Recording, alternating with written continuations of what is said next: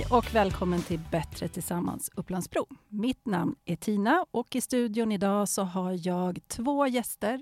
Det är Frida Rindefors som är familjebehandlare och det är Dilan Baban som är fältassistent. Välkomna till podden.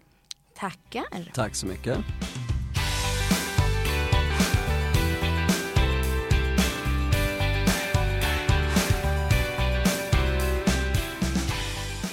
Idag ska vi prata om ett ganska svårt ämne som handlar om kriminalitet och unga. Men innan vi börjar så skulle jag vilja veta vad ni gör på jobbet. Vad gör en familjebehandlare, Frida?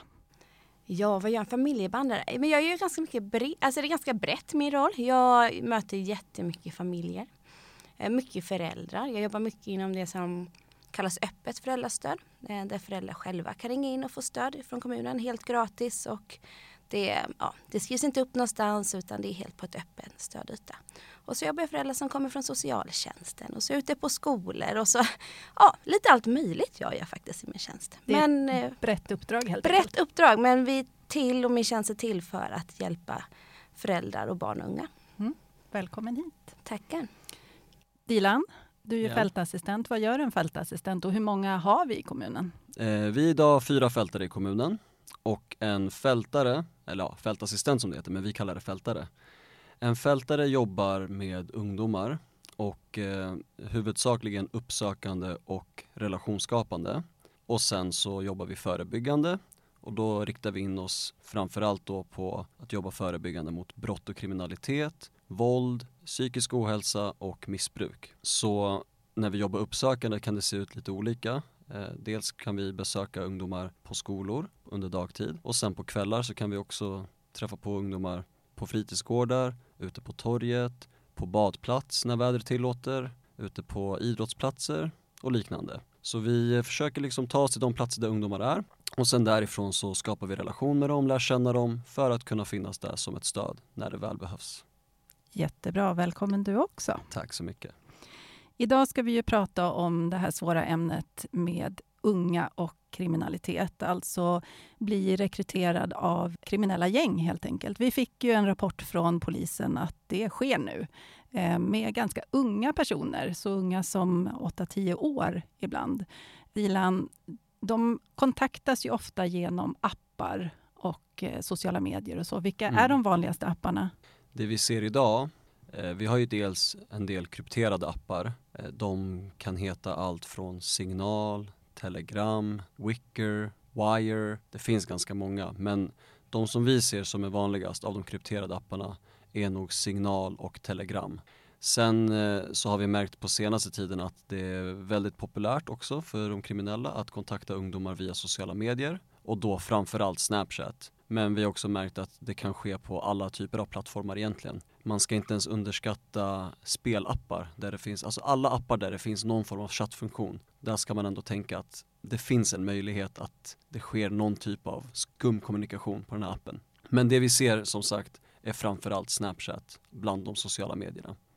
Hur går det till? Alltså, vad jag förstår av- Snapchat är ju att man lägger till varann som vänner. Så hur kommer de kriminella in som vän då till de här unga personerna?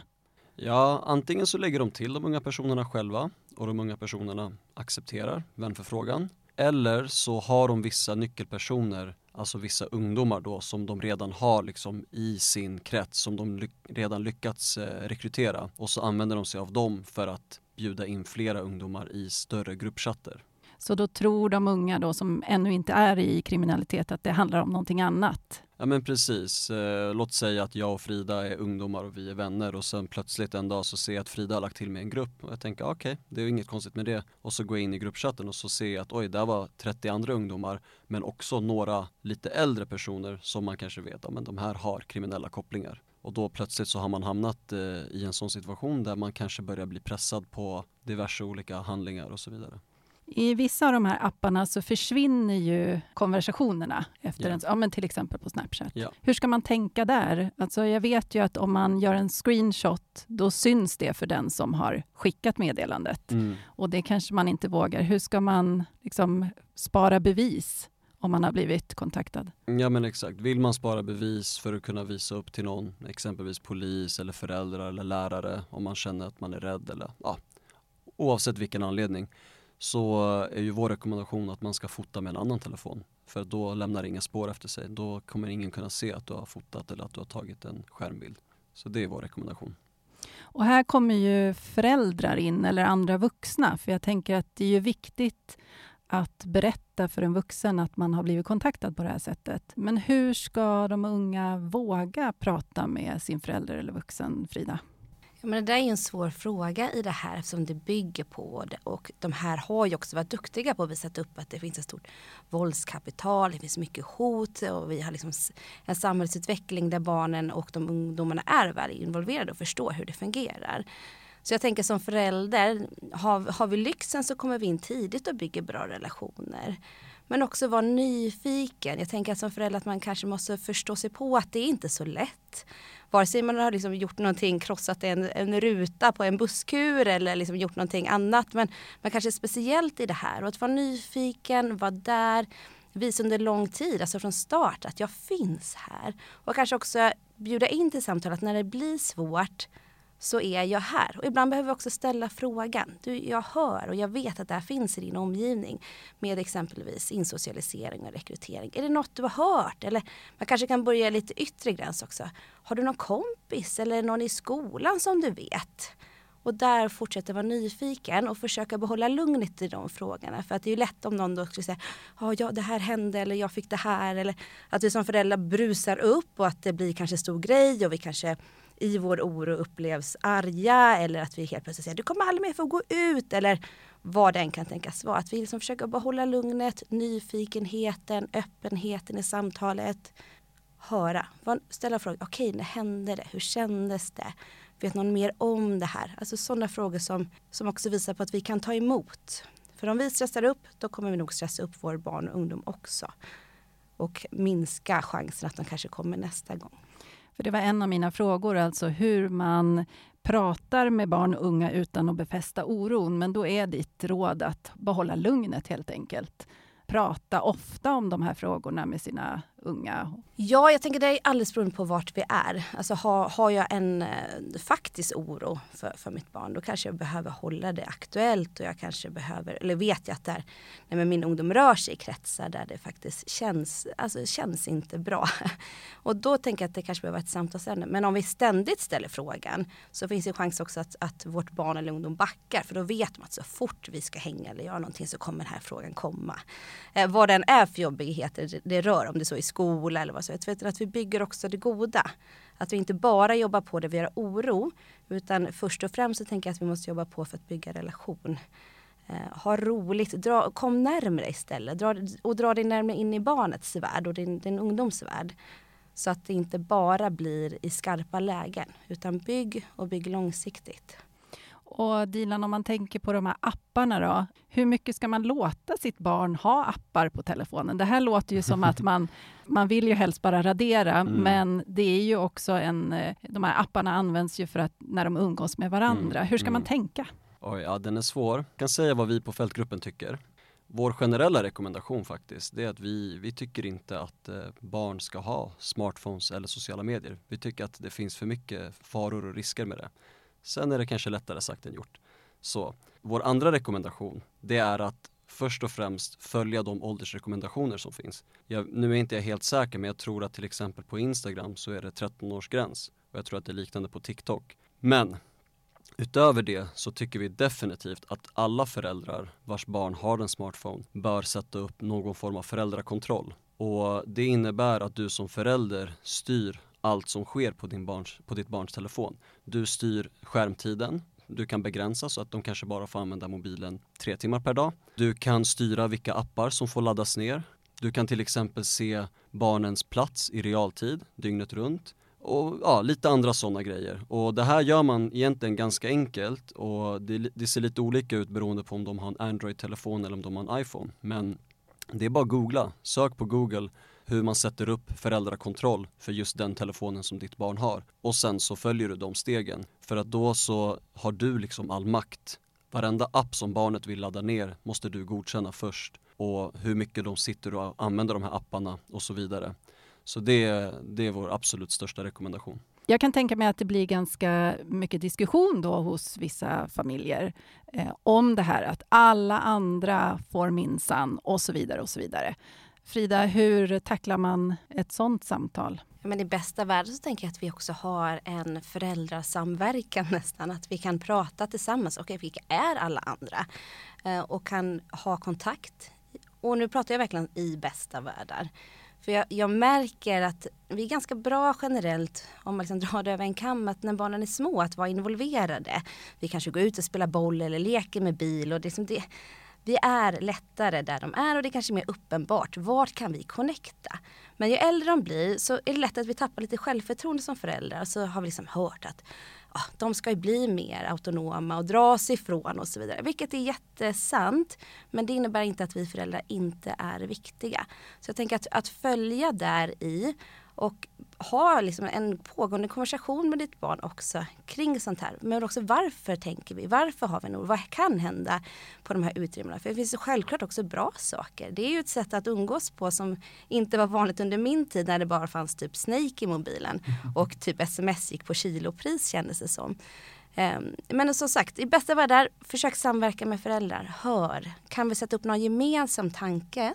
Kring att men vi tycker det här är rimligt. Eller oavsett om det gäller sociala medier eller när barn ska komma hem eller vart de är. Att vi har koll på, jaha men det där är liksom Kalle eller Alis pappa eller mamma. Så tänk att vi har ganska mycket vunnet. Också ha lite självförtroende i föräldrar att du är viktig. Jättebra tips. Men jag tänker också så här, om det nu händer någonting i sociala medier eller man har blivit kontaktad på något sätt. Hur får man dem att berätta? För någon vuxen. För det behöver ju kanske inte vara till mig som förälder. Det kan ju vara någon i skolan eller någon man litar på. Absolut. Och jag tänker att där är det väl bra att ha, ha prat innan och säga att händer något, du är alltid välkommen hit. Alltså kom. Och har försökt bygga upp ett, ett liksom på något sätt ett kapital av att när det har hänt saker så har vi också hållit oss lugna. För det är en sak att säga så här, vad du än berättar kommer vi inte bli arga. Den är ganska vanlig. Men de kanske också behöver visa det över tid att när den här äh, vasen från farmor gick sönder när vi spelade boll inne,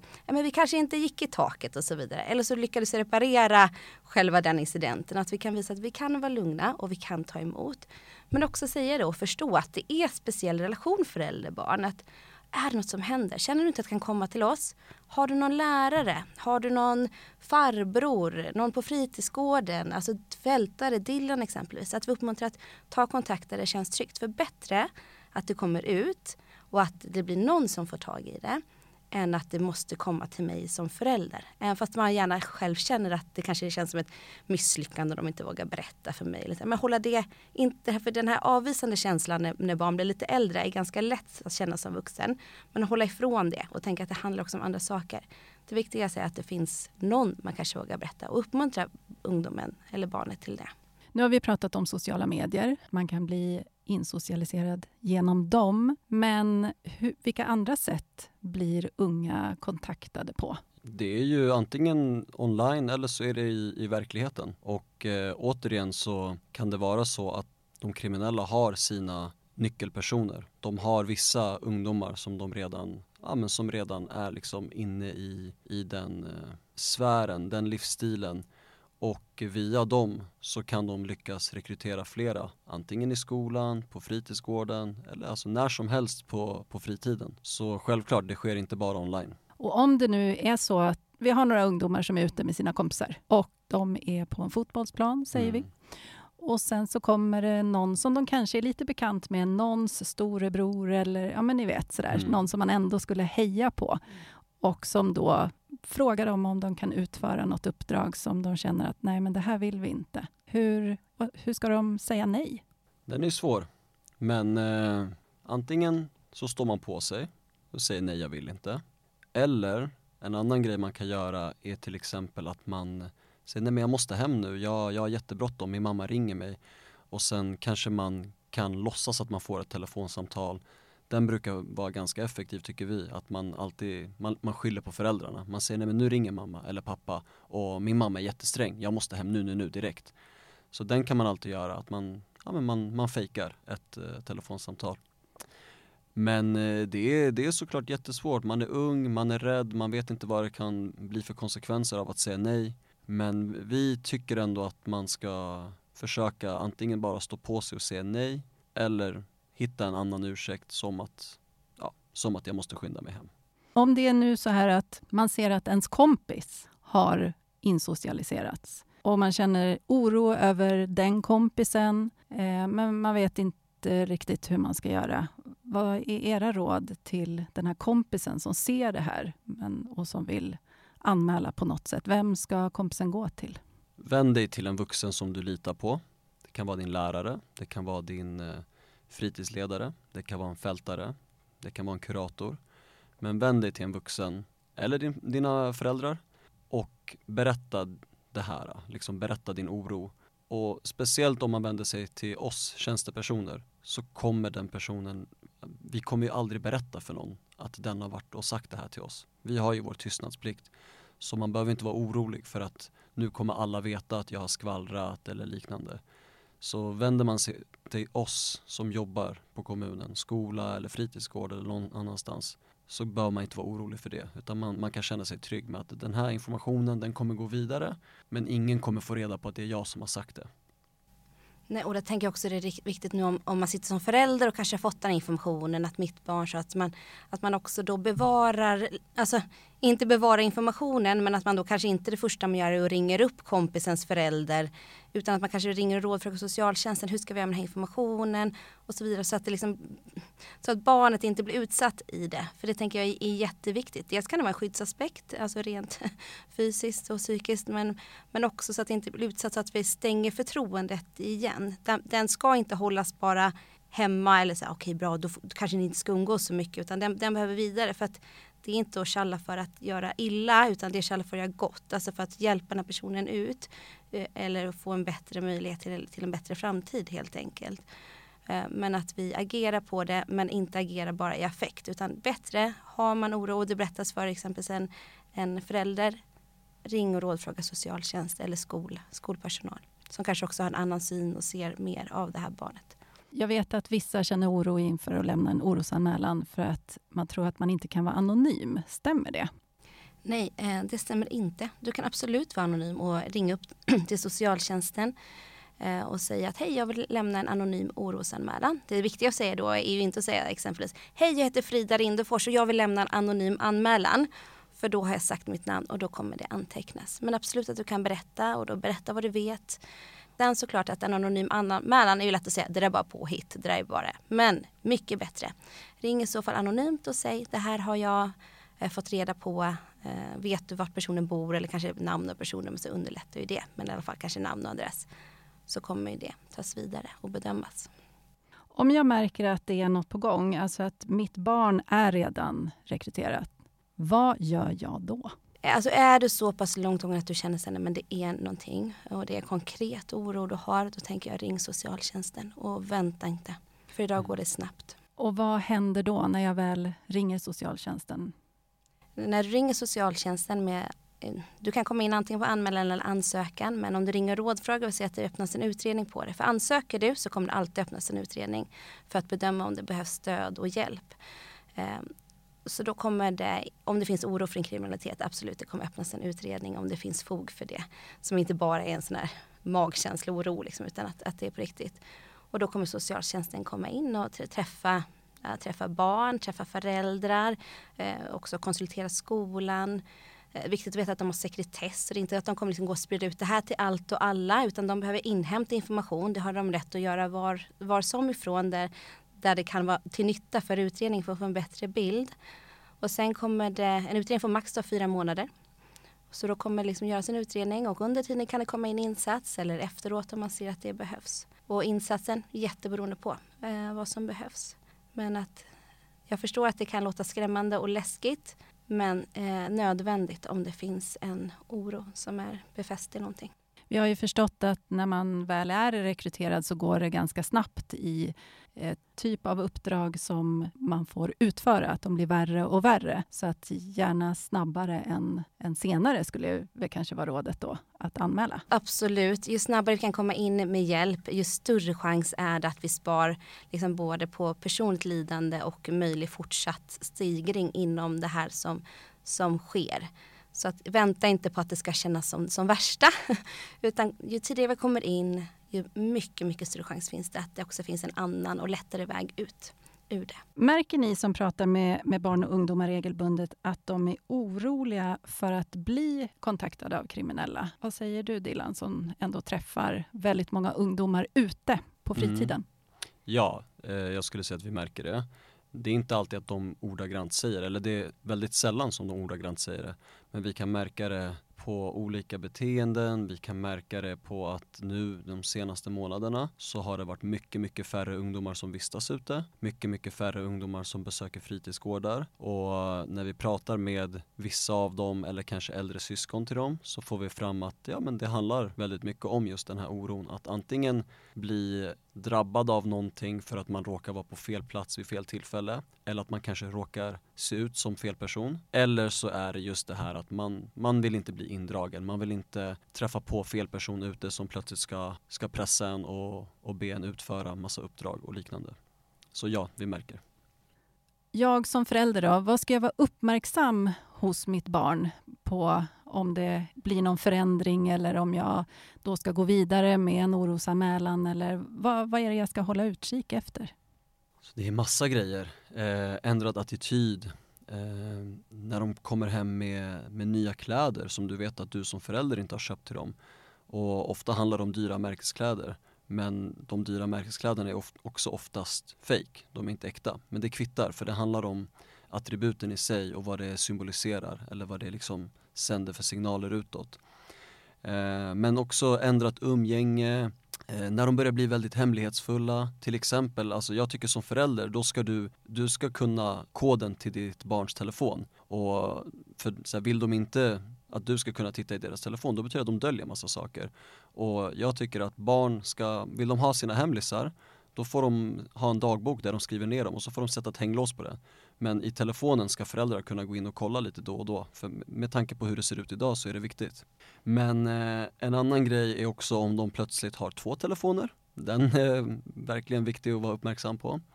Men också om man börjar märka att de kanske börjar ta Ja, det kanske börjar med tobak och alkohol och sen kanske det går över till narkotika. Märker man de här tendenserna? Alltså, tror du på ett eller annat sätt att ditt barn tar narkotika, då är det hög risk för att de på ett eller annat sätt blir indragna i kriminaliteten. För att oftast så är det någon form av inkörsport. Mm. Är det oftast pojkar eller är det flickor också nu för tiden? Det, det är mycket flickor också, men det är fortfarande flest pojkar. Men man får inte glömma bort flickorna, absolut inte. Det är mycket flickor. Men att de kanske kommer in på lite olika sätt. Eh, flickor går generellt under radarn när det kommer till detta. Eh, men kanske gör mer tjänster vid sidan om, håller saker. Det var, det var inte, det var väl bara för några veckor sedan eller för några månader sedan vi såg en flicka som hade handgranater hemma som liksom höll dem mot något. Följer med, lite äldre upp kanske de som bokar bilar, bokar hotellrum, forsla saker fram och tillbaka för att de går som sagt lite i munradan. Men absolut de indragna, även om killarna idag är högrepresentativa i, i det hela. Sociala medier, det handlar ju inte bara om att bli rekryterad till eh, kriminella gäng. Det finns andra faror, eller hur Dilan? Såklart. Så här, allt på sociala medier är såklart inte dåligt. Det finns många bra delar. Men vi ser också otroligt många faror och risker. Och utöver det här med att kunna bli rekryterad så ser ju vi de här grejerna som de värsta då. Alltså att dels så sprids det väldigt mycket destruktiva ideal om hur man ska se ut, om vad man har för typ av livsstil. Och det här vet vi att speciellt som barn blir man väldigt lätt påverkad av det här. Och väldigt ofta så är ju det här inte ens en verklig bild utan det är antingen något filter eller någon redigeringsapp man använt för att se ut på ett visst sätt eller så har man hittat den perfekta vinkeln med det perfekta ljuset och den perfekta sminkningen, ja, vad det nu kan vara. Men, och sen samma sak med livsstilen, att du vet, allt ska se så himla flashigt och häftigt ut och det här påverkas man av. Man ser det här och man tänker shit varför ser inte jag ut så? Varför lever inte jag det här livet? Och så går man runt och mår dåligt över sig själv. Så det är en grej. Sen ser vi även att det sker mycket nätmobbing eller näthat online på sociala medier och det är såklart också en fara.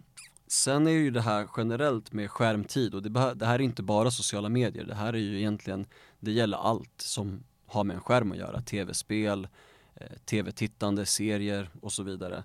Men vi ser ju att det är väldigt farligt med för mycket skärmtid för att skärmtiden ger någon form av dopaminkick till barnen och då får de ett mycket högre dopaminbehov och plötsligt så är allt annat så mycket tråkigare att göra och man orkar inte med någonting. En hemläxa som man har fått från läraren den är hur svår som helst för att till skillnad från att sitta inne på Instagram och scrolla eller TikTok så är det liksom världens tuffaste uppgift. Så det här ser vi verkligen att för mycket skärmtid får barn att må dåligt helt enkelt. Sen eh, finns det en annan risk också som vi tror drabbar framförallt unga grabbar och det är att på sociala medier så, så sprids det väldigt mycket mjukporr nu. Det, det är inte ofta fullt naket för det är oftast förbjudet men det blir en mjukare variant av porr som kan vara ett första steg till ett porrberoende som vi vet att kan vara, det kan vara ett stort problem eh, hos framförallt killar då. Det man kan sammanfatta det är ju då att har man den här föräldrakollen så kan man ju även hålla koll på det. Ja. Eh, så att den, det är inte bara för rekrytering till kriminella gäng som den är bra att ha utan för skärmtiden överlag. Ja. Och sen tänker jag, jag känner mig lite träffad för jag som vuxen tittar ju också mycket på min telefon. Eh, så man kanske ska föregå med gott exempel och eh, gå ut i skogen istället. Ja. Eller någonting sånt. absolut. och där kan det vara svårt att få med sin 14-åring såklart. Eh, för jag tänker det, det, blir alltid de här diskussionerna med det här, vad är kontroll versus vad är relation? Eh, ibland behöver vi kontrollera, ibland behöver vi gå in som vuxna och liksom komma med det mandat vi faktiskt kanske behöver ha i ett barns liv. För att vi har ett ansvar. Och barns hjärnor är inte utvecklade, tonårstiden händer jättemycket.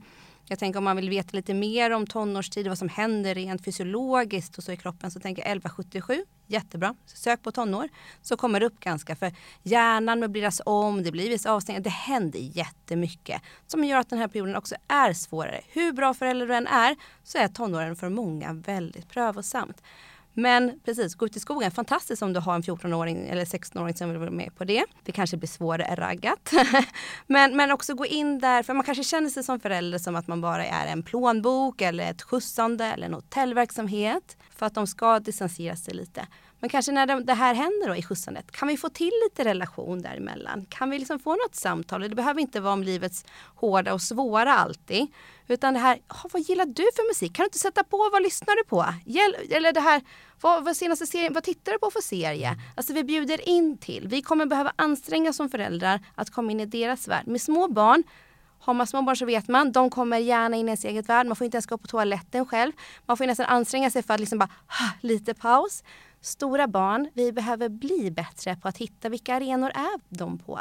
Dra nära, bjuda in till. Och när vi då kanske blir den här skjutsande taxibilen, kan vi få till någonting? Kan vi få till, samtal i bil, jättebra.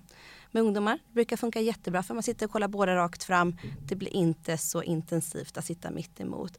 Eller om du nu ska swisha för den där pizzan.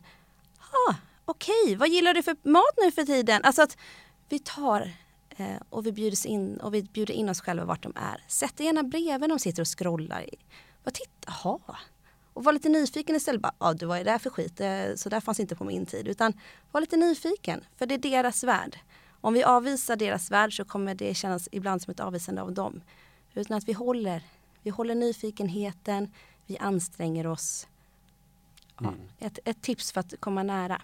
Eh, då kanske vi slipper ibland kontrollfunktionerna. Ja, jag håller verkligen med. Det är ju såklart att föredra. Och sen kontrollfunktionerna blir väl som en plan B. Ja, när vi måste så måste vi. Och då mm. måste vi. Alltså det är också verkligen viktigt att men kan vi ha förtroende i att vi är föräldrar, vi är viktiga. För att vi kanske inte känner oss viktiga i tonårslivet, men vi är viktiga. Eh, och det är en skillnad på min känsla som förälder och vad som faktiskt är verklighet för min ungdom. Sen kanske den viktigheten ser annorlunda ut än vad den gjorde bara för några år sedan. Och vi behöver växa och liksom ändra våra lilla tankar kanske hur vi behöver vara föräldrar och kan vara föräldrar.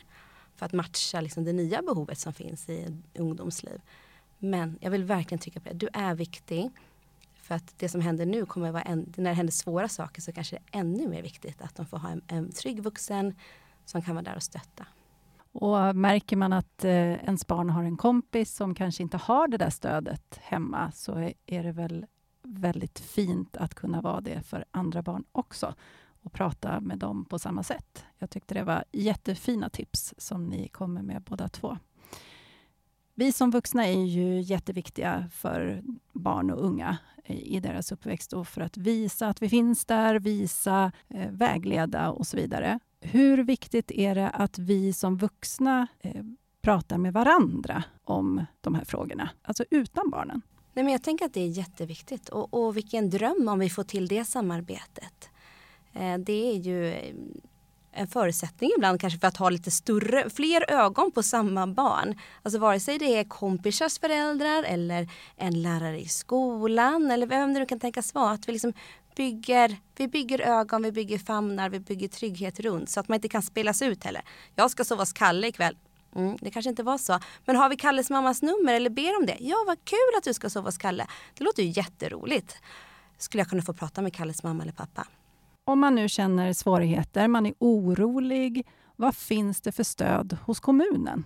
Massor, korta svaret. Nej men så här, man kan alltid ringa till oss fältare till exempel. Vi jobbar eh, varje fredag, lördag. Då är vi ute till ett på natten. Skulle man vara orolig över en specifik grej en fredag eller lördag kväll, man kanske tänker oj, jag vet inte vart mitt barn är, hen svarar inte i telefon när jag ringer, jag undrar om fältarna kanske har träffat på hen och då kan man ringa till oss och ställa den frågan eh, eller bara berätta liksom vad oron gäller och så kanske vi försöker ha ögonen öppna eller förmedla vidare det till fritidsledare som jobbar på fritidsgårdar och liknande. Men eh, ja, och sen kan man vända sig till er, föräldrastöd. Ja, alltså vi, kommunen har ju som, som du säger mycket stöd egentligen. Vi har ju för föräldrastödstelefonen Eh, det finns även ett, ett nytt material som heter Gängsnack som vi också kan länka in när det kommer just till det vi har pratat om idag, det heter ämnet. Men föräldrastödstelefonen, dit kan du ringa som förälder, allt från att du är gravid till att du har barn som är upp till 20 år. Eh, det är gratis. Eh, vi kan bolla och prata om var, var du står i. Ehm, så får man bara prata med en familjebehandlare och se kan vi hjälpas åt på något sätt? Kan det behövas mer stöd? För jag tänker också socialtjänsten. Jag vet att det är myndighet, jag vet att det är läskigt, jag vet att det är skrämmande. Men deras största eh, grej är att verkligen få hjälpa. Så det finns mycket hjälp. Men föräldrastödstelefonen är inte kopplat till eh, det förs inga journaler, det liksom förs utanför ett system kan man säga. Och vi jobbar enbart på förälderns eget uppdrag eller vad den vill prata om. Så ta verkligen sånt. Det mm. finns också föräldrastödsutbildningar och flera saker som arrangeras i kommunen för att också kunna samverka kring, hitta vägar, hitta det här för det är en ny värld att bli förälder kanske till en tonåring. Helt plötsligt har man kanske, det här var något helt nytt och så kanske man har flera barn och alla blev olika. Det är inte lätt. Jag vill sänka den tröskeln för det är verkligen inte lätt att vara förälder. Så därför kommer vi ibland behöva liksom bolla, kroka arm, hjälpas åt för att ge de bästa förutsättningarna för att den här tiden ska flyta så smidigt som möjligt för våra barn och ungdomar. Mm. Sen skulle jag säga att egentligen så spelar det inte någon roll vem du kontaktar så länge det är en vuxen på kommunen som på något sätt jobbar mot barn och ungdomar så kommer du kunna bli slussad vidare till rätt person. Så även om jag kanske känner att en förälder ringer mig och jag säger nej men det här är inte rätt ärende för mig. Jag kommer inte bara släppa det där. Jag kommer se till att den här personen, den här föräldern kommer i kontakt med rätt person för att få hjälp. Så det är bara kontakta en lärare, en eh, fritidsledare, vem som helst. Så länge du känner dig bekväm med den personen så kommer du på ett eller annat sätt bli, bli slussad vidare. Eller till kontaktcenter på dagtid. Precis. Absolut, ja. ja. men det är jättebra, precis. Det är, de, de tar emot allt. Vare sig bygglov eller barn eh, som man inte vet någon aning om man ska ta, ta vägen. Så ja, ring! Och jag tänker att verkligen också det här att jag vill verkligen poängtera, ha låg tröskel. Alltså det är så jobbigt ibland att vara förälder. Och det finns stöd det kanske inte alltid liksom är lätt ändå när man får stöd. Men man liksom kan få bära tillsammans, bolla tillsammans. Det är liksom ingen ja, att vara förälder är ingen pedestalroll utan vi behöver varandra. Det finns också jättemycket att läsa om på, man kan googla 1177 exempelvis på utveckling, det finns jättemycket bra böcker och poddar. Jättebra. Tack snälla Dilan och Frida för att ni valde att komma till podden och berätta om vad det finns för stöd i kommunen och ge tips till alla våra vuxna som är oroliga för sina barn. Tack själv. Ja, men tack att du fick komma.